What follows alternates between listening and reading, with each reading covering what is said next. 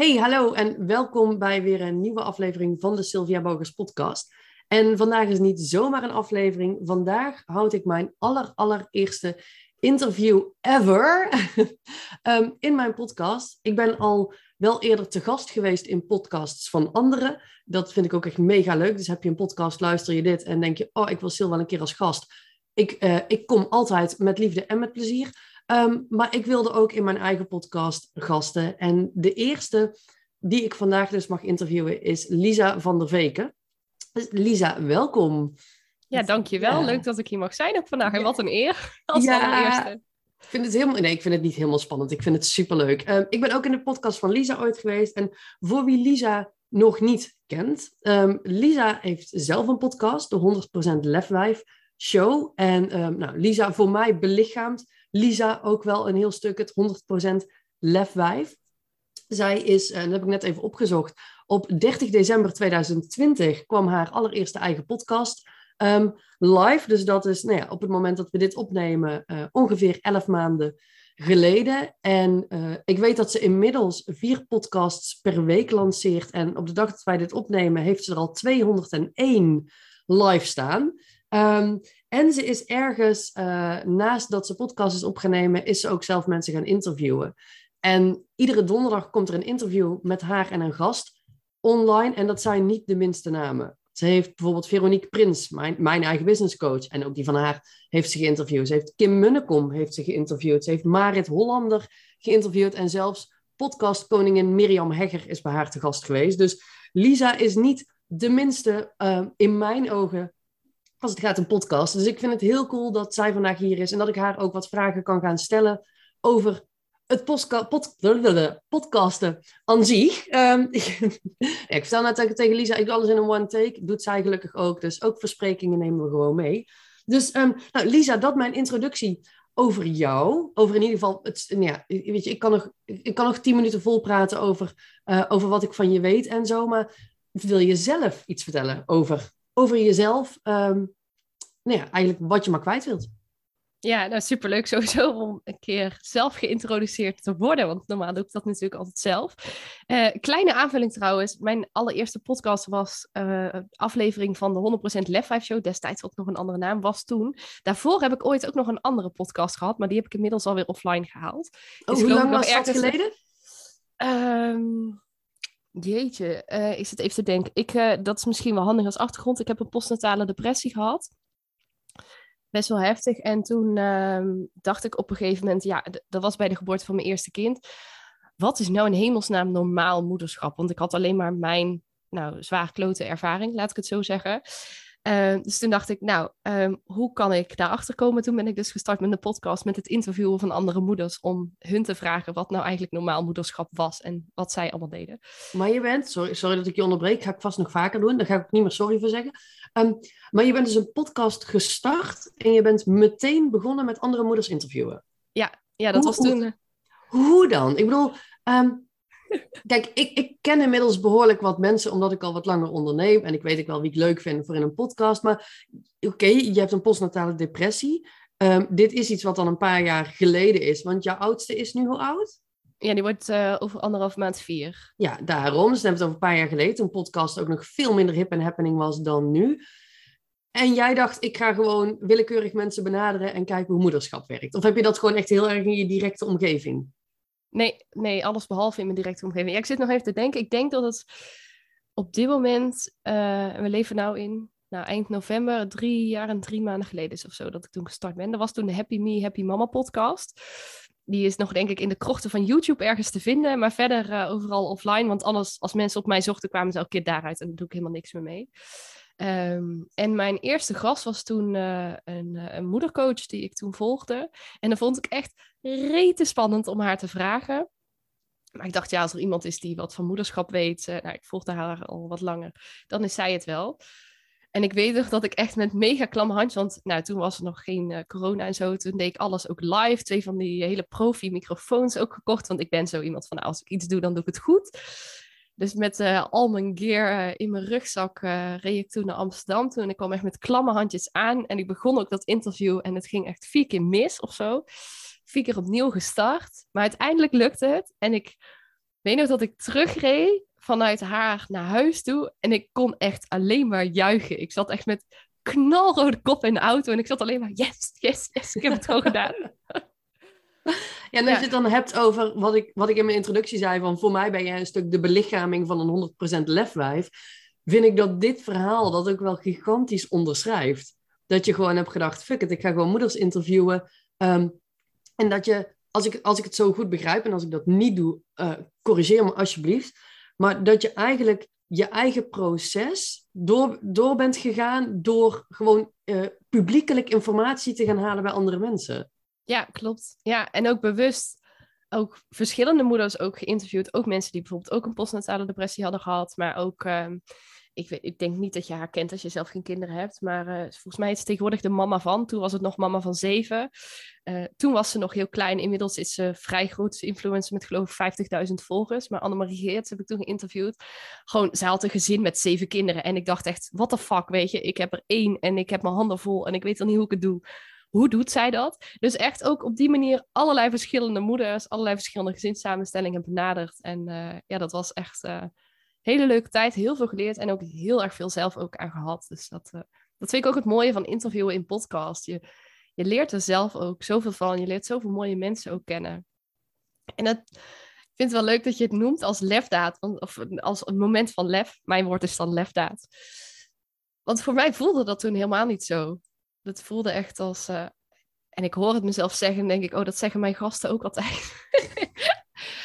maar uh, het voelde gewoon als iets, ja, dat, ik kon niet anders of zo. Dat moest ik gewoon doen. Uh, dat was wat ik nodig had op dat moment. Ja. En dat is inderdaad wel grappig dat je ook meteen zelf, ik zeg, oh, ik hoor het mijn gasten gewoon zeggen. Want ik denk ook meteen van, ja, dat had ik ook toen ik bij jou in de uitzending was.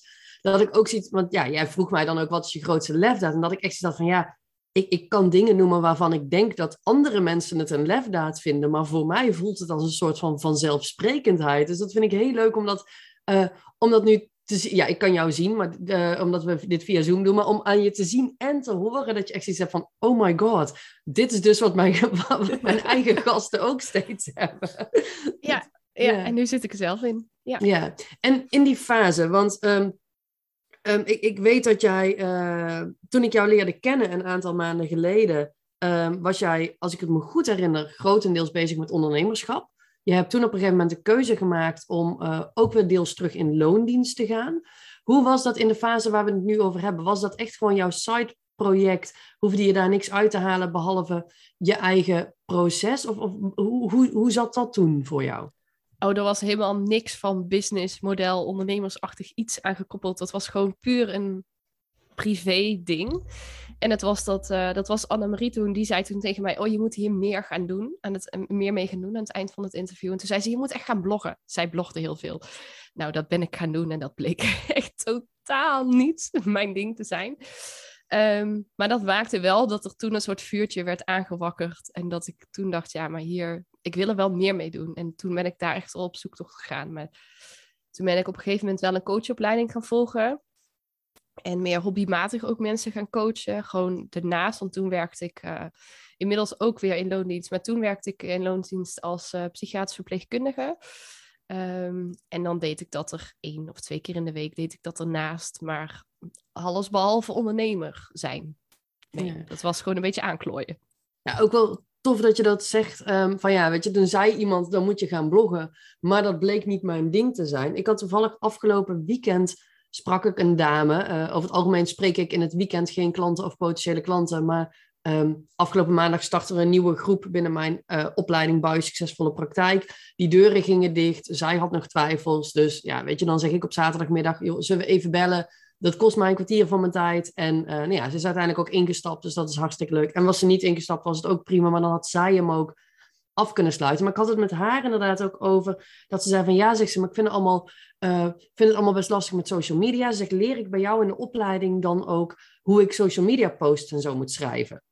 Dus nou weet je, ik ben geen tekstschrijver. Ja, ik, ik kan het toevallig heel leuk en heel goed, maar ik ben geen uh, tekstschrijfcoach of dat soort dingen. Ik leer dus andere mensen ook niet hoe je dat moet doen. Maar wat ik ook tegen haar zei, van, ja, weet je, als jij heel veel moeite hebt met teksten, Waarom wil je dan iets met teksten? Weet je, misschien ben jij veel makkelijker en leuker op video of op audio of inderdaad op een andere manier. Al maak je er, al maak je er kleurplaten van, weet je. Maar dat vind ik wel heel mooi. Dat, ja, weet je, ik ga, ehm, en dat zie ik natuurlijk meer bij ondernemers, dat ze heel erg proberen te doen wat een ander doet. En in basis is dat een hele goede eigenschap. Weet je, dat maakt dat wij allemaal ooit zijn gaan lopen. We zagen dat iemand doen en toen dachten we, ah, misschien kunnen we dat zelf ook. Maar daarbij mogen we ook heel erg voelen, ja, maar wat past dan bij mij? En ga je schrijven en merk je, ik vind dit echt niet leuk en, en het, het loopt niet en mensen reageren niet. Weet je, en niet na drie posts, je moet het wel even, en ook niet als je maar twintig volgers hebt. Ehm, maar dat je inderdaad na verloop van tijd dan denkt van ja, dit is hem gewoon niet. Ik heb het serieus een kans gegeven, maar this is not my cup of tea. Dat je dan gewoon de vrijheid hebt om een methode te vinden die voor jou wel werkt. En dat is denk ik ook een stuk ondernemerschap dat je um, gaat zoeken naar wat voor jou werkt. Weet je, is dat video? Ga dan een YouTube-kanaal starten. Is dat audio? Start dan met podcasten. Is dat lives geven of QA's doen, omdat je gewoon heel goed gaat op, op vragen die gesteld worden. Weet je, dus voel ook altijd die vrijheid om je eigen manier daarin te vinden en voel je niet verplicht om te doen wat anderen doen. Dus dat vind ik heel mooi dat jij ook zegt van ja, die, die blogs, nee, dat was hem niet. Dat, uh... ja, ja, ik ben het er wel helemaal mee eens. En ik hoor het jou zeggen en toen denk ik ja, dan denk ik ook meteen, ik ben ook opnieuw gewoon die valkuil keihard ingestapt hoor. Want toen, eh, ik ben uiteindelijk, ik denk, ik heb denk ik 20, 30, ik denk 30 afleveringen opgenomen. Ik deed toen iedere twee weken volgens mij een podcast. Uiteindelijk daar ook weer mee gestopt, omdat ik merkte van, nou, toen ging het met mij zo goed. En ik vond dat moeders met jonge kinderen was wel leuk, maar mijn eigen reis daarin was een soort van, ja, voltooid. Het ging heel goed. Dus nou, ik ben ook grootste voorstander van, als het niet meer past, mag je het loslaten, zeg maar. En toen eventjes niks gedaan. Uiteindelijk toen met Reset Your Mind, zo heette mijn podcast in het begin, ehm, die ik nu heb, met die 200 afleveringen gestart. Um, en toen ook pas gedacht, fuck it, ik zeg mijn baan in loondienst ook helemaal op. Ik had toen inmiddels een tweede kindje gekregen en alles in mij schreeuwde, je moet echt niet meer terug naar de psychiatrie. Dus toen was ik uh, net uit mijn verlof en toen heb ik mijn baan uh, overboord gegooid. En ben ik uh, in februari echt regelrecht de diepe ingesprongen. Um, volledig als ondernemer aan de slag gegaan. En toen ben ik business coaching gaan volgen. Uh, niet van één, maar ook van drie tegelijk, volgens mij. Um, Is dat iets wat je mensen aanraadt? Uh, nee. nee, maar wat ik wel heel interessant vond, is... Ik heb toen op veel verschillende manieren leren ondernemen, zeg maar. En ik heb wel dus alle manieren ook uitgeprobeerd. Maar wat ik ook. Uh, kan je dan, dan even voor de mensen die luisteren, die misschien heel erg aan, aan het begin staan van hun ondernemerschap, kun je heel kort iets vertellen over de manieren die je hebt uitgeprobeerd? Oh, uh, funnels opstellen met e-mail marketing. ik heb Facebook advertenties uitgeprobeerd. Ik ben heel veel webinars gaan geven. Ik heb podcast gedaan. Ik ben gaan bloggen. SEO gaan bloggen geleerd. toen deed ik ook op Instagram post. En ik ben heel veel reels gaan maken. Heel veel stories. Even denken hoor. Wat heb ik nog meer gedaan? Ehm, ik denk dat dat wel de voornaamste dingen zijn geweest. Is al best uh, naar events. Ja, online events doen, want toen was net begin corona nog. Uh, ja, dat gedaan. Iedereen aangeschreven. Uh, of ik iets samen met hun kon doen. Echt alles wat ik leerde ben ik toe gaan passen. Nou, ik werd echt knettergek. En wat ik ook leerde is dat sommige business coaches echt helemaal bij mij pasten en andere helemaal niet. Andere die, sommige die echt zeiden van je moet dit doen, je moet dat doen. Nou, daar werd ik dus um, heel uh, stijgerig van, zeg maar. Ik ging helemaal uh, in de ankers. En dat vind ik ook wel heel mooi en wat jij zegt, van dat je echt ook mag kijken naar wat past bij mij. Ik heb, ben daardoor wel heel erg gaan ontdekken wat ik dus wel heel leuk vond. En wat ik alles behalve leuk vond. En ik ga heel goed op audio. Ja. ja, en ik denk dat dat sowieso een heel stuk ondernemerschap is. Is ontdekken wat past. Weet je, er, er, is, er, zijn, um, er zijn meerdere wegen die naar Rome leiden. Um, ik heb ook, weet je, ik heb een bepaalde visie op hoe je een onderneming zou, uh, hoe je een onderneming het makkelijkste kunt bouwen om succesvol te worden. Um, dat, die visie delen niet alle andere business coaches met mij en ook niet alle andere ondernemers. En dat is helemaal prima. Dit is mijn waarheid en mijn werkelijkheid. Um, maar daarin is het inderdaad gewoon heel erg. Het blijft gewoon heel dat ondernemerschap, ook voor mij en, en ongeacht de fase waar je in zit. Het is gewoon één grote ontdekkingsreis over wat, wat er allemaal mogelijk is, waar je allemaal heen kunt, wat er allemaal te halen valt. Inderdaad, welke methode past wel, welke methode past niet, wat vind ik lekker, wat, wat, waar ga ik heel slecht op. En, ehm, en dat vind ik heel tof, dat jij jezelf ook die ruimte en die vrijheid hebt gegeven om dat, die speeltuin eigenlijk in te gaan en al die toestellen te proberen, om te kijken wat je nou het leukste vond. En, want wat ik heel veel zie gebeuren, vooral bij startende ondernemers, is dat ze heel krampachtig um, dat ondernemerschap instappen. En dat ze, um, jij bent ook iemand, en dat vond ik heel cool. De eerste keer dat ik jou ontmoette, um, hadden wij een gesprek en daarin vertelde jij eigenlijk dat je, op dat moment werd, je, werd jij, nu nog steeds, maar ook zat je in ieder geval in, begeleiding van Veronique Prins. En dat jij eigenlijk zoiets had van alles wat zij zegt dat ik moet doen, dat doe ik gewoon. Ik denk daar niet eens over van, zij zal het wel weten. Ik heb haar niet voor niks uitgekozen. Dus ik volg gewoon klakkeloos op wat zij me adviseert, zonder dat ik um, eigenlijk mijn brein de kans geef allemaal blokkades op te werpen en, en, en redenen om het niet te doen. En dat vind ik gewoon heel cool, dat jij zo committed was en, en, en bent en er zo blanco in bent gegaan, maar ook zo open bent gaan staan om gewoon maar dingen te doen. En dat is um, wat, ik, wat ik enorm mooi vind en wat ik bij heel veel startende ondernemers juist het tegenovergestelde zie. Dat ze, um, jij vertrouwde volledig op Veronique, haar kennis en kunde, wat ik snap, weet je, doe ik ook. En uh, wel altijd met, met de kanttekening um, dat je alles even mag checken met, hey, klopt dit wat ze zegt en klopt dat voor mij? Ook, ja, want, want, ik deed dat, dan onderbreek ik jou even. Ik deed dat dus bij alle drie die business coaches. En bij sommigen ben ik dat dus ook op een gegeven moment echt absoluut niet meer gaan doen. Dus ik, de, daarin leer je ook wel de business coaches van de business coaches onderscheiden. Laat ik het zo zeggen. Ik, uh, en even heel plat, en dat zul je ook vaak zien, is ik heb ook heel veel business coaches uh, tegen, ben veel tegengekomen, vooral ook de laatste tijd. En er was ook een van die drie toen erbij. Ik zal geen namen noemen, want ik wil nooit iemand zwart maken. Maar die zichzelf dan business coach noemen. Terwijl ik denk, volgens mij heb je heel veel trucjes geleerd, maar heb je zelf echt geen flauw benul waar je het over hebt. Of je bent heel sterk in je marketing, maar je kunt het totaal niet overbrengen. Dus ja, vaak zijn ze heel goed in hun sales en marketing. Ja, maar er zit heel veel verschil in. En ik ben er ook achter gekomen dat er heel veel mensen zichzelf business coach noemen, die zelf nog een baan in loondienst moeten hebben, um, omdat ze nog niet rond kunnen komen. Mijn vriend heeft ook wel eens gezegd tegen mij: Nou, je zou ook business coach kunnen worden, want je kent alle trucjes. Terwijl ik denk, nou, dat zou ik echt heel slecht vinden. Want ik heb bijvoorbeeld nog een baan in loondienst ook daarnaast. Ik vind, dan moet je ook echt een succesvolle business kunnen bouwen, anders moet je het niet doen. Maar er zit zoveel verschil in, in authenticiteit. En ook, dat is vooral wat ik mee wil geven, is op het moment dat jij um, heel erg tegen iemand opkijkt, check altijd inderdaad bij jezelf van, mag ik dit ook klakkeloos volgen? Klopt dit ook voor mij? Want bij Veronique Prins nog steeds, wordt af en toe ook een beetje eigenwijs, moet ik ook eerlijk zeggen. Maar dat, dat is voor mij ook onderdeel van LEF. Dat staat voor mij voor liefde, eigenwijs en fenomenale vrouw. Um, maar zij heeft gewoon een fucking goede business opgebouwd. Dus haar mag ik volgen. Maar check ook altijd bij jezelf, klopt het voor jou? En ga niet zomaar dingen aannemen. Nee. Ja, en dat is wel wat je zegt. En kijk, Veronique heeft voor een track record. En zo zijn er meer business coaches. Weet je, wij hebben dan toevallig allebei Veronique heel hoog staan. Maar dat wil niet zeggen dat de wereld bestaat uit Veronique en verder niemand. Nee, alles um, behalve. Maar ja, dat, maar weet je, en, en niet, niet iedereen klikt met Veronique. Alles, ook alles behalve. Um, maar dat is natuurlijk wel dat, dat, dat bij een business coach, van ja, als diegene al heeft gedaan wat jij wilt doen, um, en diegene geeft jou een opdracht met, hey, doe eens dit of doe eens dat, of geeft jou überhaupt iets ter overweging.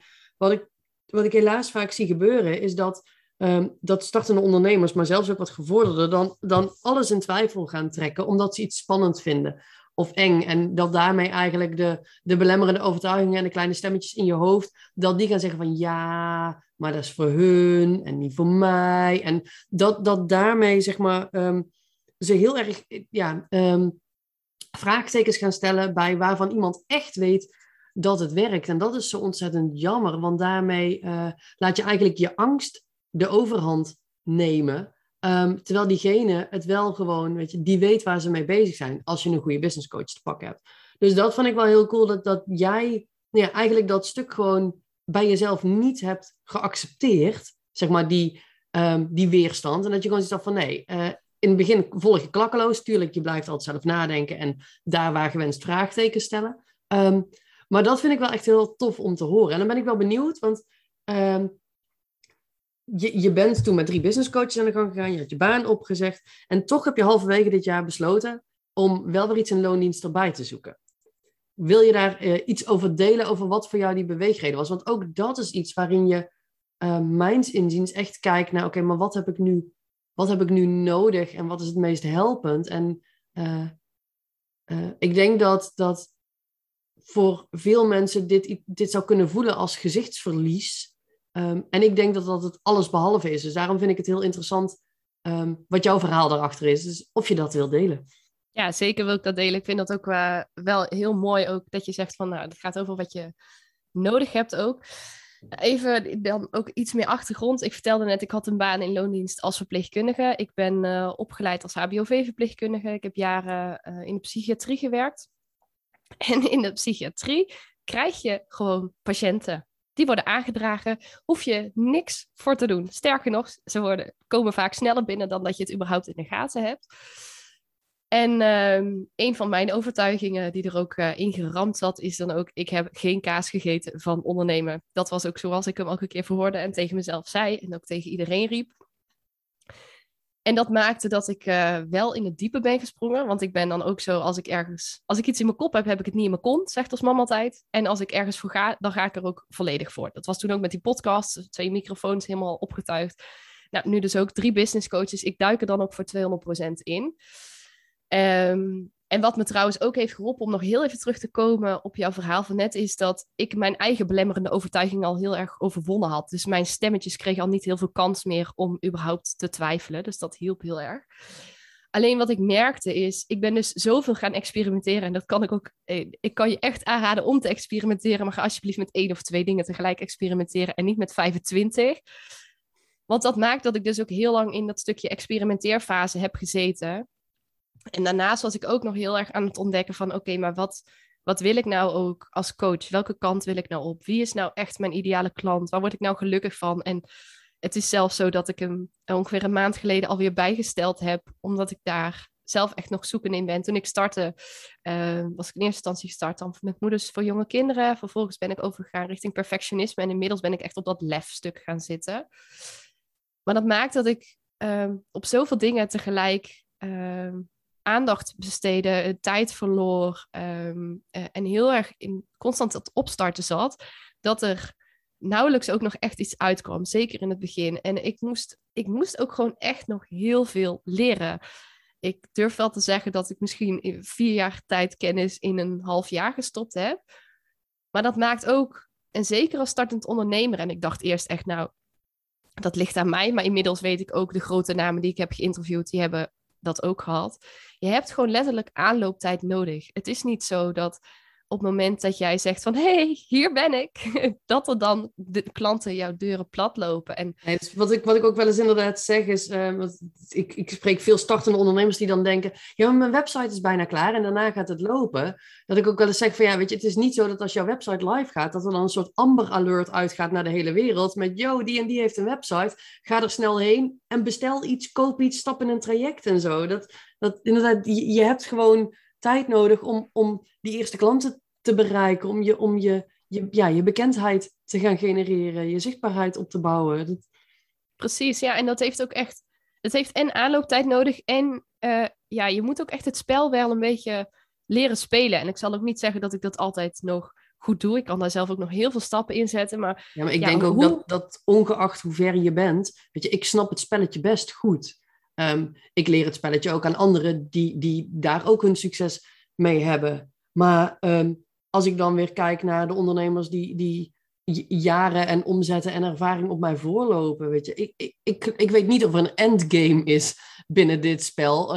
Ik, ik hoop het niet zelfs. Ik hoop dat ik constant mag blijven leren, maar iedere keer op een nieuw niveau inderdaad. Ja, precies. Maar ja, je hebt ook gewoon, en dat had ik in ieder geval wel, tijd nodig om te oefenen met dat stuk zichtbaarheid. Oké, en hoe deel ik dan mijn boodschap? Wat wil ik dan vertellen? En ook wat spreekt mensen aan? Uh, uh, vertel ik heel veel ook over mezelf of ga ik heel veel naar de klant. Ik heb allebei de bewegingen heel sterk gehad. Uh, uiteindelijk ga ik nu meer op de middenweg zitten. Maar ook als je dan iets wilt delen, een aanbod, hoe doe je dat dan? Hoe zorg je dat, dat je ook daadwerkelijk niet alleen iets deelt, maar als iemand dan reageert, dat je ook even een e-mailadres bijvoorbeeld binnenhengelt. Um, en als je een e-mailadres hebt, hoe zorg je dan voor dat je dan een gesprek daaruit haalt? Nou, dat zijn allemaal nou, skills die ik nog steeds ook aan het ontwikkelen ben. En op een gegeven moment, uh, want ik was er echt ook wel heel veel tijd uh, mee bezig. Op een gegeven moment moet ik ook zeggen, wij kregen een uh, persoonlijk een wat zwaardere periode. Mijn schoonmoeder heeft een vrij heftig ziektebed gehad afgelopen half jaar. Die is in juli uiteindelijk overleden. Die had uitgezaaide alvleesklierkanker. Dus iedereen die daar wel ooit van gehoord heeft, dat is vrij kort, maar heel intens. En zij leefde al drie maanden langer dan verwacht was. Um, maar ja, dat heeft ook gewoon heel veel impact gehad. En op een gegeven moment maakte het dat ik, uh, doordat ik heel veel aan het proberen was, maar nog niet direct het rendement zover had dat ik ervan kon leven. Um, in combinatie met de privédruk, dat ik dacht, ja, um, nou kan ik twee dingen doen. Of ik kan er vol voor blijven gaan en al mijn geld erin gooien. Uh, maar ik ben nu op dit moment al best een beetje opgebrand. Ik trek het even niet. Het is me even te veel. Of ik kan ervoor kiezen om deels weer in loondienst te gaan, zodat in ieder geval de financiële basis stabiel is. En dat ik vanuit daar veel meer plezier ook weer kan gaan hebben. En ook, dan heb ik ook minder tijd, maar dan heb ik ook minder tijd om nutteloze dingen te doen. Uh, en ook echt gewoon alleen dingen kan gaan doen waar ik plezier uit haal. En dan hoeft het dus ook niet direct een succes te zijn. En dat maakt alleen al toen ik daarover nadacht, dat ik een soort van opluchting voelde ik dacht, oké, maar dan mag ik mezelf dus ook meer ruimte gunnen daarin. En dat maakte alleen al, en toen heb ik nog niet eens gesolliciteerd of niks, maar dat, er, dat ik gewoon op dat moment alweer mijn plezier kreeg in het ondernemen. Dat ik dacht, oh, maar dan kan ik dit gaan doen en dit vind ik leuk. Nou, de podcast is voor mij bijvoorbeeld heel belangrijk, vind ik heel leuk. En het heeft gewoon aanlooptijd nodig. En ik hoor dan op een gegeven moment, luister ik een aflevering van Kim Munnekom. En die zei, ja, de eerste drie jaar was ik al alles behalve succesvol. Dan denk ik, oh, wie de fuck ben ik dat ik denk, terwijl ik nul kennis heb van ondernemerschap, dat ik binnen een paar maanden uh, eh, 10.000 euro per maand moet verdienen. Ja, er is nog hoop. Ja. Precies, ja. En nou, zij draait dit jaar uh, bijna een miljoen omzet, zit al over de 8, 9 ton bijna heen. Dan denk ik, ja, um, zij kan het, dus waarom zou ik het niet kunnen? En zij zegt ook, als je het nodig hebt om de druk los te laten, nou, dan doe dat vooral. En dat was voor mij echt een manier om de druk van de ketel te halen. En uh, nou, ik ging solliciteren uh, en ik had ook gewoon meteen een baan binnen een week. Ik uh, werk nu als docent aan de hogeschool ook. En ik heb ook wel op die manier erover nagedacht dat ik dacht, oké, maar wat wil ik nou uiteindelijk? Wat is mijn bigger picture? En ik wil uiteindelijk heel graag gaan spreken. Alleen, ik had nog nooit voor de groep gestaan. Dus toen dacht ik, nou, hoe kan ik dan wel iets gaan doen in loondienst wat ik en heel leuk vind en wat in lijn ligt met waar ik uiteindelijk naartoe wil? Dus zodoende ben ik ook als docent uh, gaan solliciteren. Want ik dacht, nou, dan kan ik daar heel veel zelfvertrouwen ook in opdoen. Spreken voor de groepen. Ja, en eigenlijk heb je gewoon betaalde sprekersklussen drie dagen per week. Ja, ja. en dat, uh, het leuke is, dat verdient ook meer voor minder tijd dan, uh, dan dat ik als psychiater verpleegkundige verdiende. Um, dus dat maakt dat die druk ook gewoon helemaal weg is. En dat ik nu ook nou, makkelijker, sneller groei, ook makkelijker nog meer stappen zet buiten mijn comfortzone. Uh, en dat als iets niet lukt, dat ik ook gewoon makkelijker kan denken: oké, jammer dan, uh, volgende keer beter. En doordat die druk eraf is, is dat echt, ja, voor mij is dat het beste wat ik voor mezelf had kunnen doen. Komen er in één keer ook super toffe ideeën, um, uh, krijg ik ook veel meer connecties met mensen. Uh, word ik ook meer gevraagd voor dingen, alsof alles in één keer meer is gaan stromen door die druk eraf te halen. Dus voor mij voelt het alles behalve laf of uh, uh, een slechte keuze. Het voelt voor mij echt het beste wat ik heb gedaan in het afgelopen half jaar. Ja, tof. En als je dan nu gaat kijken, want je hebt nu inderdaad dan die docentenklus. Um, maar je doet daarnaast wel nog je bedrijf. Je hebt wat keuzes gemaakt, inderdaad, ook om van perfectionisme coach eigenlijk naar, naar het lefwijf stuk toe te gaan. Um, heb je nu voor jezelf dan, dan, um, dan, dan wel, en ik weet niet of je dat had op het moment dat je de keuze maakte, of dat dat zich ontwikkeld heeft of aan het ontwikkelen is, heb je nu wel een plan hoe je dat de komende tijd aan wil gaan pakken? Of dat je, um, waar je zeg maar naartoe wilt? Ja, ja dat plan uh, dat ligt er zeker. Ik, ben, ik moet wel zeggen, het is niet 100% uitgekristalliseerd. Maar inmiddels snap ik de klantreis. Inmiddels snap ik wat er nodig is om bereik te genereren, om expertstatus te genereren. En daarvoor zet ik nu dus in op kanalen die voor mij heel erg helpend zijn. Dat zijn onder meer podcasts, maar dat is ook gewoon echt het stuk live connecties. En vanuit daar ook mensen leren kennen, vanuit daar ook een upsell gaan doen. Dat is meer mijn manier. Ehm, en in dat plan is er wel meer tijd ingebouwd dan ik me oorspronkelijk had gegeven. Um, maar het is ook zo ingebouwd dat uh, ik heb vanuit de HVA heb ik ook gewoon uh, bepaalde vakantieblokken. Dat ik dan dus ook af en toe even weken volop kan knallen. En wat, meer, wat meer rust ook heb. En dan alleen uh, ja, de hoognodige dingen doe. Dus dat, dat werkt voor mij heel goed.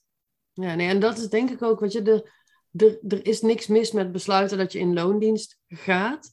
Um, wel even met de kanttekening, dat, dat moet dan wel goed voelen. Ik heb ook wel eens... Zeker ik heb laatst nog, daar heb ik volgens mij toen een nieuwsbrief over geschreven, twee of drie weken geleden. Dat op, op vrijdagmiddag, ik een, uh, vrijdagochtend of vrijdagmiddag, ik een appje kreeg van een van mijn één op één klanten. Dat ze echt zo van, en ik zie het allemaal niet meer zitten. En ik ga een baan in loondienst zoeken. Terwijl dat, dus dat is helemaal niet wat ze wil. Um, ze eet eigenlijk nog liever droog brood dan dat ze in loondienst moet. Maar voor haar voelde dat als een soort van: ik kan ook niks en ik ga wel in loondienst. Nou, een paar uur later had ze voor een paar duizend euro in de pipeline zitten. En inmiddels is daar het een en ander zelfs van gevallen. Dus weet je, niks aan de hand. Het was, het was, het was op dat moment echt een, een, paniekreflex. Um, maar op het moment inderdaad dat, dat echt gewoon die loondienst voelt als een keuze die je rust gaat geven. Dat je vanuit daar een bepaalde stabiliteit hebt. Dat je geen stress en paniek meer hebt. Um, denk ik dat loondienst een hele goede keuze is. Wel met de kanttekening dat als je je ondernemerschap ook nog steeds wilt, als je dat ook nog steeds ziet als iets van, ja, weet je, dat is wel mijn toekomstdroom, dat is wel waar ik uiteindelijk van wil gaan leven, dan is het wel handig om inderdaad het loondienst in te stappen met wel een plan daarnaast over um, hoe je dan je ondernemerschap gaat doen. Want ik kan me ook zomaar indenken, en je zei net al van ja, het is wel nu ik, um, nu ik minder tijd heb voor mijn business, ben ik minder tijd aan het land te vanteren, want ik heb al minder tijd, dus ik moet wel functioneler zijn. Maar dat is denk ik ook um, de, de grootste uitdaging, en ik weet niet hoe jij dat ervaart, maar een hele grote uitdaging om, nou ja, zeg maar, de balans tussen, tussen je baan- en loondienst en je onderneming. Want, want is dat iets wat bij jou um, wat je nu onder controle hebt, heb je daar überhaupt naar moeten zoeken? Hoe is dat geweest? Om vanuit fulltime beschikbaar voor je bedrijf te gaan naar, oh my god, ik heb minder uren en ik heb ergens anders een verplichting en ook nog een gezin. Ja, ja zeker. Dat is, wel, uh, dat is echt wel even wennen geweest. En nog steeds wel even, want mijn dagen uh, worden ook steeds drukker. In het begin, uh, zeker als docent, moet je ook gewoon een takenpakket toegewezen worden. Dus toen kon ik nog veel meer doen voor mijn eigen bedrijf. Dus dat was ergens ook wel een voordeel, want ik kon langzaam wat meer afschalen. Um, nu is mijn uh, pakket ook echt vol en wordt het meer zoeken. Um, maar ik heb een aantal dingen die ik iedere week vast doe. En voorheen werkte ik ongeveer vier, ik zei vijf dagen, maar vier dagen, want ik heb altijd één mamadag. We hebben één papadag en één mamadag in de week. Um, dat dus vind ik ook wel heel mooi, want ik, ik, ja, ik heb zelf geen kinderen. maar ik, hoor, ik spreek heel vaak, zeg maar, gezinnen. En dan, dan, dan mamadag is eigenlijk all day, every day. En papadag is dan één dag in de week. Dus ik vind het wel heel mooi dat jij zegt van nee, we hebben een mamadag en een papadag. Um, omdat ik het gewoon te vaak zie, dat ik denk van ja, maar het kan toch niet zo zijn dat papa een dag heeft en dat mama een vanzelfsprekendheid is. Dus dat vind ik wel heel, Zeker heel niet. cool dat nee, jullie nee, echt... Uh, nee, ja. we hebben een mamadag en een papadag. En mijn mamadag was altijd uh, de dinsdag. Dat gaat nu schuiven naar de woensdag. Maar dat heeft te maken met kinderdagverblijfplanning en dat soort dingen. Dus los van mijn bedrijf. Um, maar nu voor mij is dus uh, dinsdag is nu mijn nieuwe werkdag. En ik heb gewoon heel erg gekeken, oké, maar wat zijn nou voor mij essentiële dingen? Nou, voor mij essentiële dingen zijn uh, mijn podcast-interviews, die wil ik gewoon door laten gaan. Nou, ik heb er één per week, dus dat betekent uh, best een hoop regelwerk. Dat betekent dat ik op mijn eigen dag al eigenlijk bijna een halve dag vaak kwijt ben aan interviews regelen, uh, connecties met mensen leggen, maar ook de interviews houden, uh, de verwerking ervan. Want een interview afnemen als luisteraar klinkt dat heel leuk, want je hebt 50 minuten iemand in je oren. Maar vergis je niet dat er al minstens een half uur opgeteld, zo niet meer, aan mails vooraf gaan om überhaupt een afspraak te regelen. Um, en daarnaast ook minstens een half uur aan de verwerking daarvan. En los van de editing, maar ook gewoon uh, de fotootjes erbij zoeken. Ik doe dan een intro en een outro los, die moet ik opnemen. Dat moet ik aan elkaar plakken. Dus al dat soort dingen. En dan dat uiteindelijk ook weer delen. Dan zet ik post klaar en zo. Dus daar zit ook gewoon tijd aan gekoppeld. Um, mag, mag, mag, ik je daar even op onderbreken? Want um, ik, ik, ik, ik ken mijn ideale klant en mijn ideale klant ziet overal beren op de weg. En dit, dit is de manier waarop jij het doet. Ja. Ehm, weet je, Ja, zeker. ik, ik, ik, denk nu, oh, kan daar Lisa wel vragen om een foto, maar misschien doe ik het ook wel gewoon niet. En ik doe niet aan intro's en outro's, dat je mijn podcast start gewoon en die eindigt gewoon.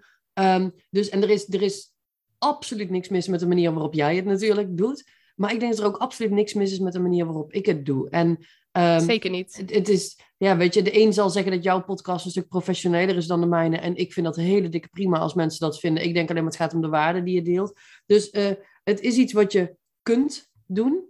Het is iets wat je ook kunt laten. En ik denk dat dat ook heel belangrijk is, dat je op een gegeven moment mag gaan kiezen. Wat vind jij daarin belangrijk? En jij vindt het fijn en belangrijk om, eh, om dat op die manier te doen.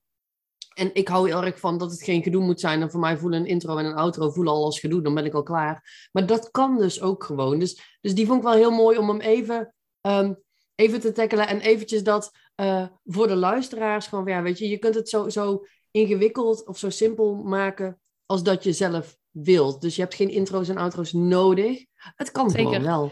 Ja, ik doe dat Maar- ook maar hoe dan ook- alleen, eh, ik doe het alleen bij interviews. Eh, Oh, oké. Ik doe dat ook niet bij mijn reguliere afleveringen.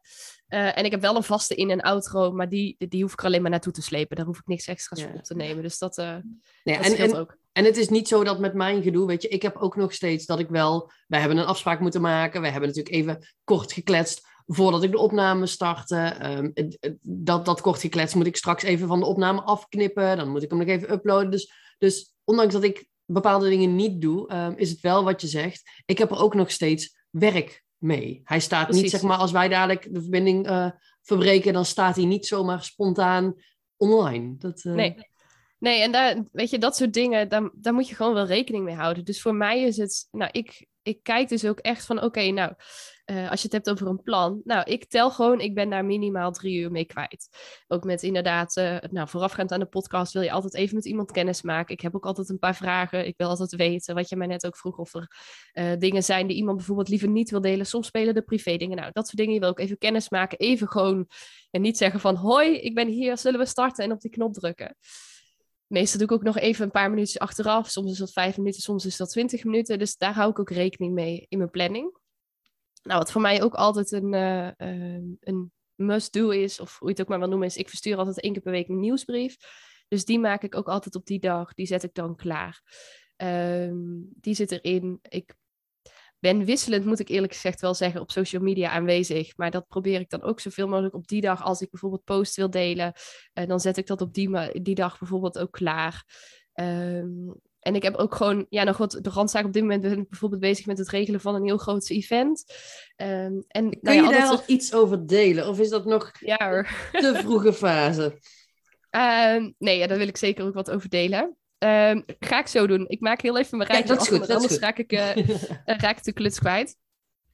En wat nog belangrijk is om te melden, ik eh, doe, zit ook in een mastermind. En dan moet ik ook altijd één keer per maand, of moet, daar ga ik altijd één keer per maand naartoe. Dat is dan ook een halve dag.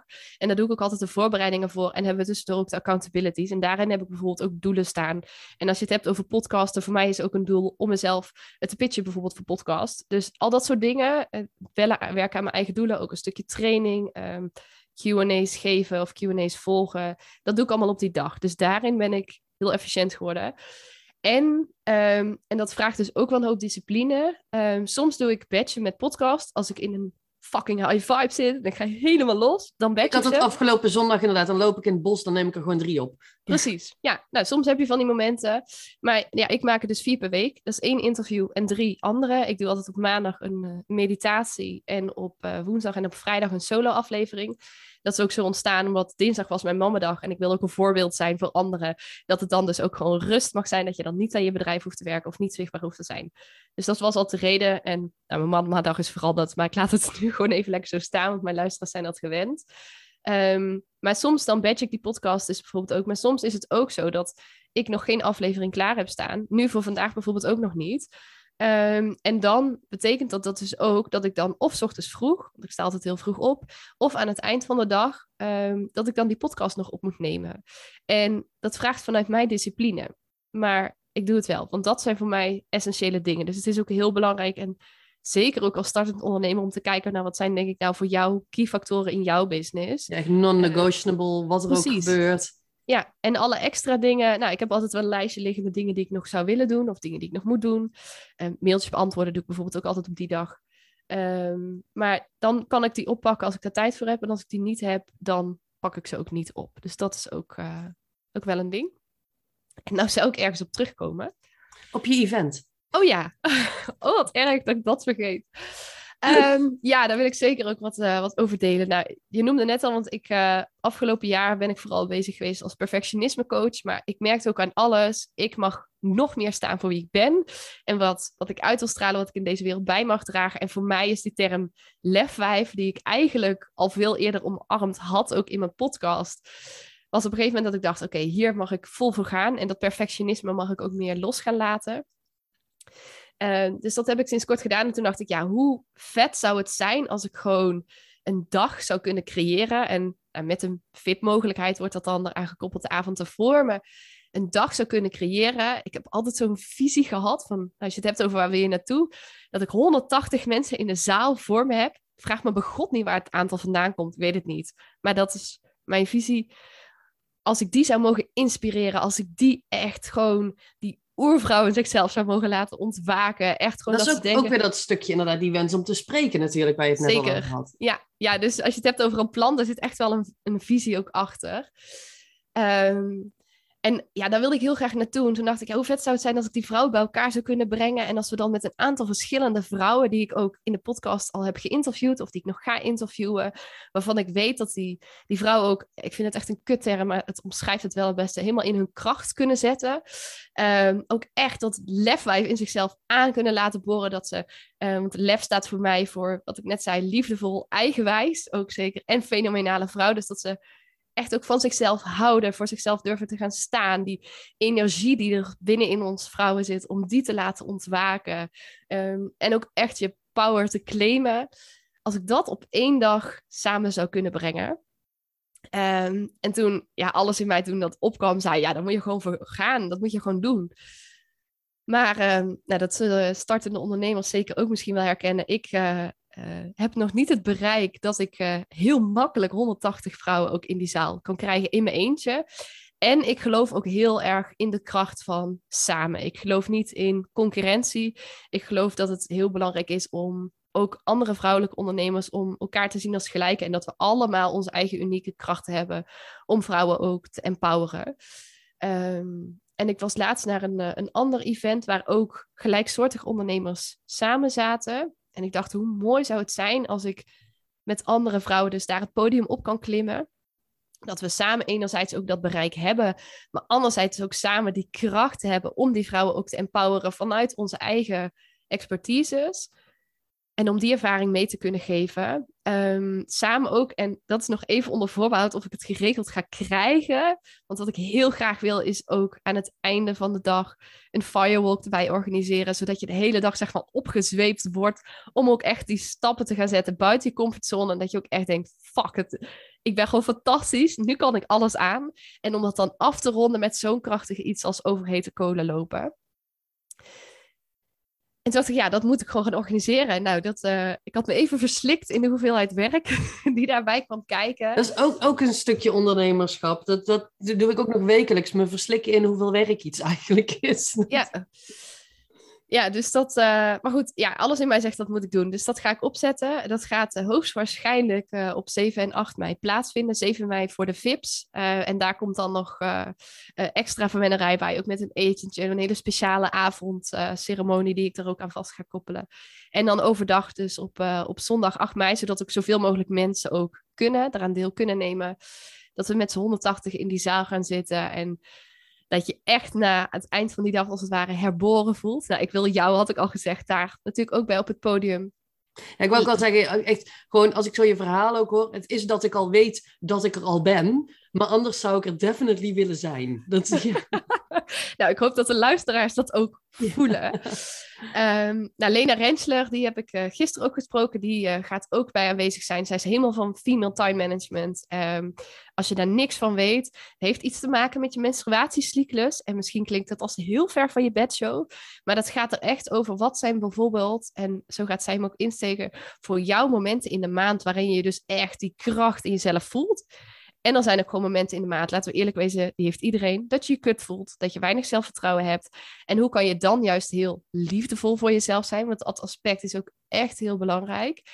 En hoe kan je dan dus die verschillende momenten in de maand zo inzetten dat je ultiem ook uh, in je eigen kracht staat, dat je ultiem ook jouw ideale leven kunt leven? Um, Charlotte de Jong gaat waarschijnlijk spreken. Uh, moet nog van Charlie's Kitchen, toch? Van Charlie's Kitchen, ja. ja. Zij is van echt in balans en nou, zij gaat al die dingen ook weer samenbrengen. Dus um, Sanne Pulles zal er ook bij aanwezig zijn. Zij gaat heel erg over lekker in je lijf zitten. Uh, en, en ook gewoon heel trots zijn op wie je bent, ongeacht hoe je eruit ziet. Dat je gewoon prachtig bent zoals je bent. Want nou, hoe vaak zijn wij als vrouwen niet fucking streng op ons lichaam? Ja. Meestal zien we alleen maar dingen die we niet mooi vinden. Terwijl we prachtig mooie wezens zijn. Dus echt op allerlei verschillende vlakken gaan we je empoweren. En dat, uh, ja, dat is een ervaring waarvan ik denk, nou, ik zou hem ook niet willen missen. Uh, maar nogmaals, het zit echt in de voorbereidende fase. Ik heb wel al uh, een interesselijst openstaan, maar dat is echt voor mensen die denken, nou, ik zou erbij willen zijn. Dan heb je ook de allervetste korting straks op het event. Ja, want als mensen dit horen en ze, en ze willen dat, kunnen ze jou dan het makkelijkste even mailen of via Insta? Of wat, wat, is, wat is handig? Ja, via Insta is zo het, sowieso het makkelijkst. Daar ben ik het meest ook, uh, ook te vinden. En daar staat ook bovenaan, als je gaat naar mijn link in bio, de aanmelding voor de interesselijst voor het event. Vertel even wat je Insta is. Ik zet hem ook in de show notes. Maar... Ja. ja, dat is Lisa van der Veken. En Lisa schrijf je met L-I-Z-A. En dan van der en dan V-E-E-K-E-N. Yes, helemaal goed. Dat, uh, ja. En ik zet hem ook in de show notes, dus kunnen ze ook altijd doorklikken.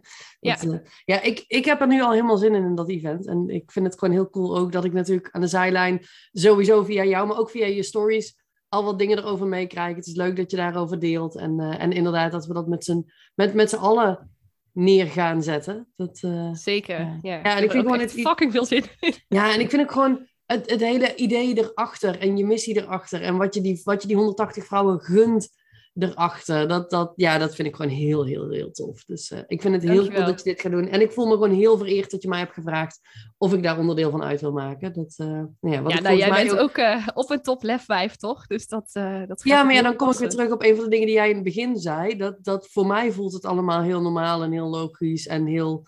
Um, maar ik, ik kan inderdaad wel zien dat, um, dat anderen dat, dat als lef 5 zien. En dat omarm ik ook. En, en ja, weet je, als ik daarmee ook maar een heel klein beetje iemand anders mag inspireren, dan is dat al echt fantastisch. Dat, uh, ja. ja, gaan we zeker doen. Ja. hey, um, ik heb nog uh, één belangrijke vraag aan jou. En die, die, die had ik je van tevoren ook gesteld. En dat is, um, nou ja, dat zou je denken is een handige vraag voor aan het begin. Maar wij zijn allebei, als we eenmaal gaan praten, dan loopt het wel. En volgens mij kunnen we ook sowieso nog drie uur rondmaken als we willen. Um, maar uh, ik, ben, ik ben zelf altijd nou ja, iets wat, wat mijn, mijn man en mijn, mijn business buddies mij echt met regelmaat horen zeggen is: niemand heeft gezegd dat je kwaliteiten nuttig moeten zijn. Um, en ik geloof heel erg dat we als mensen heel erg geneigd zijn om te kijken. Eigenlijk wat je net ook zegt, wat we met ons lichaam doen. Mooi bruggetje. Um, maar wat we met ons lichaam doen, dat we vaak kijken naar wat, wat, wat er niet mooi aan is. Wat er niet perfect is in onze ogen. Hoewel perfect is iets wat alleen, waar alleen jij een gradatie van hebt. Want iemand anders heeft weer een andere definitie van perfectionisme. Um, maar dat, dat, weet je, we kunnen allemaal heel veel dingen. En uh, we zijn geneigd alleen maar te kijken naar dingen die we kunnen, die ook echt waarde toevoegen. En ik geloof dat het veel handiger is als we echt gaan kijken naar, ons, naar, alles wat we kunnen. Weet je, um, wat ik jou ook vertelde, want voor een van mijn um, kwaliteiten waar je geen flikker aan hebt, is dat als ik een eenpansgerecht maak, ziet onze keuken eruit alsof ik een Indonesische rijsttafel voor 34 personen heb gemaakt. Weet je, mijn man snapt echt niet hoe ik dat doe. En hij is ook nog eens degene die bij ons thuis de afwas doet. Dus die, die, weet je, die zou het liefst zeven dagen per week naar de frietent gaan. Want, en zelfs dan weet ik nog de hele keuken te laten ontploffen. Weet je, dat is een van mijn kwaliteiten. Je hebt er geen ja, dat kan ik ook. Ja, ja het schijnt, ik heb meer vrouwen gesproken die dit kunnen. Maar zo heb ik ook, ik weet nog wel, toen Frans en ik net aan het daten waren. Hij woonde in een studiootje in Nijmegen. En als ik, uh, als ik bij hem thuis kwam, of als ik daar kwam logeren dan, zeg maar, dan na, als ik drie tellen binnen was, dan zag het huis eruit alsof het ontploft was. Want dan had ik, weet je, bij de deur vond ik reclamefolders. Die, scheurde, die, die plastic verpakking scheurde ik open. Als ik net binnen was, dan legde ik die verpakking legde ik links op het aanrecht. Mijn tas zette ik rechts dan neer. Een stuk verder zette ik mijn handtas. En dan ging ik op de bank zitten met die folders. En dan bedacht ik me dat ik iets op mijn tas nodig had wat ik niet kon vinden. Wat ik, waardoor ik dus mijn halve tas over de vloer. Dan had ik wat ik nodig had. En dan liet ik de rest gewoon liggen ging ik op de bank zitten en dan zat ik een soort van... Hij had, hij had een bank waar volgens mij vijf mensen op konden. Maar als ik daar twee tellen zat, had je nergens meer plek. Want mijn troep lag daar en die folders. En dus ja, weet je, ik kan enorm goed binnen drie tellen ergens een teringzooi van maken. Je hebt er geen flikker aan, maar het is wel een van mijn kwaliteiten. En ik denk dat als we op die manier naar onszelf gaan kijken, ook gewoon met een lach kunnen kijken, nou ja, daar ben ik super goed in. Je hebt er geen flikker aan, maar ik ben er echt heel goed in. Dat dat helpt om op een andere manier en op een positievere manier naar onszelf te kijken. En daarom had ik, lange intro, daarom had ik jou ook de vraag gesteld. Ja, Lisa, wat is nou jouw meest nutteloze kwaliteit? ja, nou, ik, uh, ik heb er even over nagedacht. En terwijl je dit allemaal vertelt, schieten me nog één te binnen. Dus ik heb er eigenlijk drie. Ik heb drie hele nutteloze, hele goede Van mij mag het. En de eerste twee liggen uh, wel uh, in lijn met elkaar. Ik ben heel erg goed in het ROVA werk verschaffen. Um, en de Rova is een, een opruimdienst. En los van dat wij ook gewoon iedere keer onze vuilnis en zo erbij gooien, ben ik echt. we hebben zo'n mooie stortcontainer. Fantastisch, want je hebt nooit troep in je eigen kliko's. Het gaat niet meuren en zo. Alleen ik ben er echt een kei in om die pasjes kwijt te raken. Dus ik heb er afgelopen jaar geloof ik al acht keer een nieuwe aangevraagd. Oh, En dat verschaft hun uh, heerlijk een hoop werk en ook centen. Want zo'n pasje kost iedere keer 7,5 euro per stuk. Dus dan kan ik me weer voor mijn kop slaan. Maar... En vind je ze dan achteraf weer terug? Of verdwijnen ze echt compleet van de aardkloot? Ik heb er één keer eentje teruggevonden. En toen heb ik hun gebeld of ze die niet alsjeblieft opnieuw weer konden installeren toen ik de vorige kwijt was. Um, ja, dus dat, uh, daar ben ik echt heel goed in. Vraag me ook niet hoe ik het doe. Ik heet ze niet op. Ik, uh, ik heb ze ook heel vaak dus ook niet teruggevonden. Um, tweede waar ik heel goed in ben, ik kan ook de zonnebrillenindustrie heel goed werk verschaffen. Die, uh, die raak ik namelijk altijd kwijt. Of ik ga er bovenop zitten. Dat is echt een. Ja, ik leg heel vaak mijn zonnebril dan op mijn stoel in de auto. En dan 9 van de 10 keer, dan kijk ik niet als ik ga zitten. En dan is er weer een glas kapot of dan is het pootje weer afgebroken. Daarom koop ik ook eigenlijk altijd alleen maar zonnebrillen van een euro of vijf. Want ik vind het zonde om een dure te kopen, want dat is niet aan mij besteed. Bij jou een soort, soort, soort wegwerpproduct. Ja, ja, het leuke is, ik heb ook elke keer dus hele nieuwe gekke modellen, want dat vind ik dan ook wel leuk. Uh, die er niet uitzien volgens iedereen, maar ik me heerlijk in thuis voel. Ach, en zo lang gaan ze toch niet mee? Nee, nee, het voordeel is, afgelopen jaren hebben we niet heel veel gereisd. Dus ik ben er niet heel veel kwijtgeraakt. En zijn ze nu iets langer meegegaan. Maar, uh, en we hebben vorig jaar, uh, twee jaar geleden denk ik al, wij, uh, toen waren we in Duitsland voor een weekendje weg. En uh, Menno die vindt Bacardi lekker, Bacardi ook hard. En dat drinkt hij maar heel weinig. Maar ze waren daar toen zo goedkoop, ik geloof voor 8 euro voor een fles. Dan hebben we er echt 10 ingeslagen. Maar toen zaten er gratis Bacardi zonnebrillen bij. Dus daar hebben we er 10 van gehad. En inmiddels heb ik er nog twee over. uh, maar dan lijkt het de hele tijd alsof ik de, dezelfde op heb. Met dus, dus elke keer een andere, want ik heb, ben hem weer kwijtgeraakt. Of dat scheelde mij dus al een euro of 50 ongeveer. Ja. uh, ja, dus dat uh, ben ik heel goed in. En uh, ik ben heel goed in opruimen. Maar voordat ik op ga ruimen, maak ik altijd een enorme teringzooi. Want dan, als ik ergens eenmaal aan begin, dan doe ik het dus ook goed. En bijvoorbeeld, uh, we hebben een trapkast, daar staat heel veel in. Uh, alle houdbare producten, maar ook spelletjes en zo. En als ik die dan op wil ruimen, dan moet voor mij dus ook eerst de hele trapkast leeg voordat ik hem opnieuw in ga richten. Dus als je binnenkomt, als ik aan het opruimen ben en je weet nergens iets van, dan denk je echt, wat een fuck teringzooi heb jij gemaakt? Dan staat ieder hoekje van de woonkamer en de keuken, alles staat vol. En uiteindelijk wordt het wel weer opgeruimd, maar je schrikt je echt kapot als je dan binnenkomt. En maak je dat dan ook, want uh, maak je het dan ook wel op, op die dag af? Of gaat het dan ook in etappes en zitten jullie nog twee weken in de rommel? Nee, ik maak het dan wel af. Ja, dat is dan meestal zo'n dag dat ik echt barst van de energie. En dan, dan is het ook meestal, dan ben ik aan de trapkast wel half begonnen. En dan zie ik de keukenla ook rommelig. Dan gaat die er ook uit. En dan zie ik in de boekenkast nog wat staan. Dus dan is echt alles, alles, alles wordt dan opgeruimd. Um, maar ondertussen is het wel vaak echt een enorme tering. Zo, aan het eind van de dag heb ik dan en de trapkast gedaan. En de keuken is helemaal opgeruimd. En de boekenkasten staan alle boeken op kleur. Want zo eigenwijs ben ik dan ook. Mijn bureau boven is dan weer opgeruimd. En vervolgens duurt het weer vier maanden. wordt het weer een enorme chaos. En dan één keer heb ik weer zo'n bui. En dan ja, gaat het Ik vind het wel heel cool dat, dat bij jou het, je, het begin van dit proces herken ik namelijk. Oh, ik ga de trapkast opruimen, ik haal alles eruit. Oh, de boekenkast. Oh, de keukenla. Ehm, maar maar je maakt het niet af. Nee, ik krijg dan op een gegeven moment kortsluiting. En dan is het te groot. Dan is het te veel. En dan ga ik meestal maar in een hoekje zitten huilen. Ehm, wat, wat, wat er eigenlijk voor zorgt dat ik tegenwoordig dat soort... Weet je, als ik nu zo'n bevlieging krijg, ga ik gewoon in een hoekje zitten wachten tot het over is. ik heb echt wel... Ja, mijn moeder leeft niet meer. Die, die, die is al meer dan 3,5 jaar geleden overleden. Maar ehm, ik heb echt wel momenten gehad dat ik huilend mijn moeder belde met... Mam, ik wilde op gaan ruimen. Woonde ik al op mezelf. Mam, ik wilde op gaan ruimen. Maar ik, ik, ik zie het niet meer en ik weet het niet meer. En nu ligt alles overal. En help. En dat dan mijn moeder moest komen om mij echt gewoon dingetje voor dingetje. Moet dit weg of moet dit in een kast? Wat wil je hiermee? En dat ik op een gegeven moment ook, ik kon dan geen keuzes meer maken. Ik wist het oh, niet. Oh jezus, Sil. dat is voor mij echt iets dat werd dan te overweldigend op een gegeven moment. Nee, ja, dat, nee, bij mij zit er dan nog. Mijn hoofd is ook. Maar als je nu mijn bureau zou zien, het is echt één grote teringzooi. Echt alles ligt overal. Overal briefjes, boeken, uh, lege theeglazen die al uh, een anderhalf week geleden in de vaatwasser hadden gemoeten. um, maar voor mij is het logisch. Uh, en dat is ook als ik alles eruit trek. Voor mij is het logisch, want ik heb dan in mijn hoofd wel hoe ik het wil hebben. En dat helpt me dus ook om het daarna wel weer op te ruimen. Ja, dat scheelt. Bij, mij is het, bij mij is het vooral, ik wil het anders. Ja, oh nee, ik heb wel echt een plaatje in mijn hoofd. Dus en dat is gewoon, daar werk ik naartoe. Dat is nu met het event ook zo. Het voelt nu nog als één grote chaos, maar ik weet al precies hoe het eruit gaat zien, zeg maar. Ik heb het al lang gezien. Komt helemaal goed. Alleen onderweg, ja, dan heb je hobbels en obstakels en loopt het anders. En uh, is er meer zooi bijvoorbeeld als je het hebt over opruimen. Uh, maar in the end, it's, it's all fine, zeg maar. Zo zit ik in elkaar. Oh, cool. Als ik dan nog ooit vastloop, bel ik jou gewoon. dan kan je me er doorheen praten. Niet dat je hoeft komen helpen, maar dan kan je me er doorheen praten. ja, oké, check. Ja. En voorwaarde is wel, ik moet wel genoeg tijd hebben. En dat is ook met andere dingen. Ik kan dingen heel erg goed, maar als ik onvoldoende tijd heb voor mezelf of ik voel extern druk, dan blokkeer ik. Dus die moeten niet zijn. Ja, dat is wel een hele mooie randvoorwaarde. Maar wel een hele toffe, nutteloze kwaliteit ook. Dat, uh, ik ben nu al blij dat ik die vraag heb bedacht dat ik die wilde stellen. Want het is gewoon heel leuk wat er, uh, wat er, wat er terugkomt. En dat zijn de dingen waar we het normaal denk ik niet over hebben. Dus dat, nee, uh, zeker niet. Ja. Nee, ik denk niet dat heel veel mensen dit van mij weten. Behalve mijn vriend.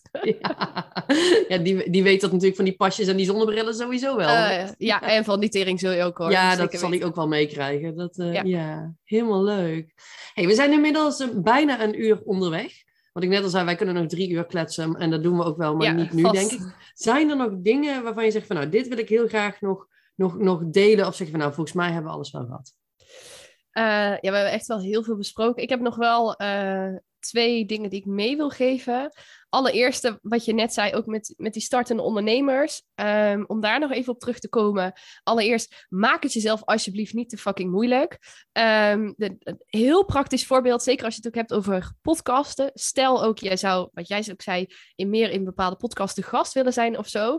Ik maakte mezelf dat bijvoorbeeld eerst ook heel moeilijk. Ik ging helemaal PDF opstellen met waar ik allemaal goed in was. En uh, helemaal uitzoeken wie ik dan moest benaderen. Nou, dat was heel gedoe.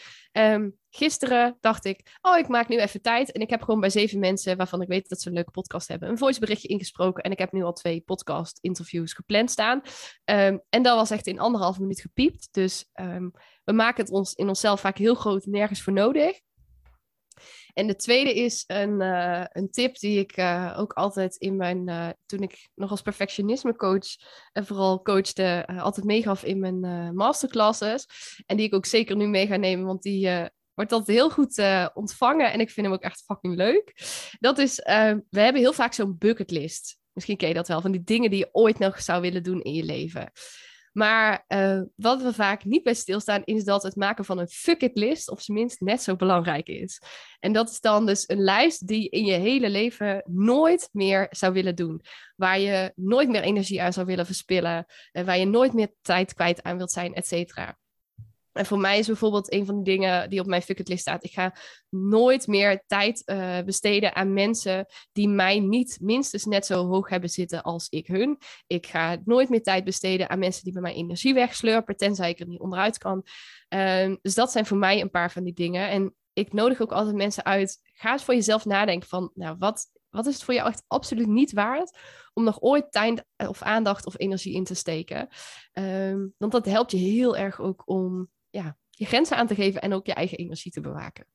Die is echt super mooi. Ik ben ook meteen, mijn hoofd staat al op standje ratelen. Maar dat, dat, ik weet nog niet wat er bij mij op staat. Ja, er staan vast een hele hoop dingen op. Maar dat voor mij dan wordt dat meteen een soort van zelfsprekendheid. Maar ik ga er wel eens over nadenken, want ik vind het wel heel leuk. Dat, ja, uh... ja, ik heb het tal, echt de talloze dingen Ja, ik denk dat er bij mij ook behoorlijk wat op staat, maar dat het allemaal al zo vanzelfsprekend voelt, dat ik daar niet bij stilsta, dat dat voor mij non-negotiable dingen zijn geworden. Maar ik vind hem inderdaad wel heel interessant om eens, uh, om eens naar te gaan kijken. Dus dank je wel ja. voor die nog. Um, ook namens de luisteraars, want ik weet zeker dat het voor hun ook heel waardevol is.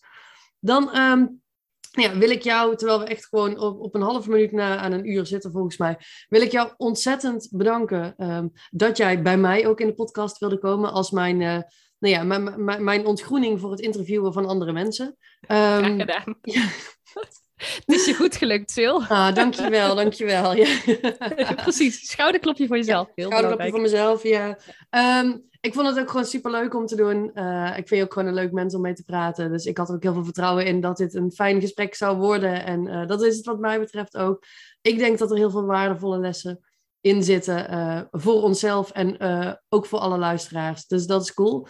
Um, nou ja, vind je Lisa leuk, wat, wat echt bijna niet anders kan, dan ga er, ga er dus volgen op Instagram, Lisa van der Veken. Um, en uh, nou ja, als je interesse hebt in dat event, stuur haar even een DM dat je daar op de, op de lijst wil, dat zodra er meer bekend is, dat je gewoon als aller, allereerste met mega kortingen en dat soort dingen in kunt stappen en aan kunt melden. En dat je een van die 180 stoelen, um, dat daar jouw naam op komt te staan. Um, kan je dat niet vinden? Vraag het aan mij even. Ik help je wel onderweg naar Lisa toe. Dat komt helemaal goed. Dus dat, dan wil ik je weer bedanken voor het luisteren. Uh, ik wens je een hele fijne dag.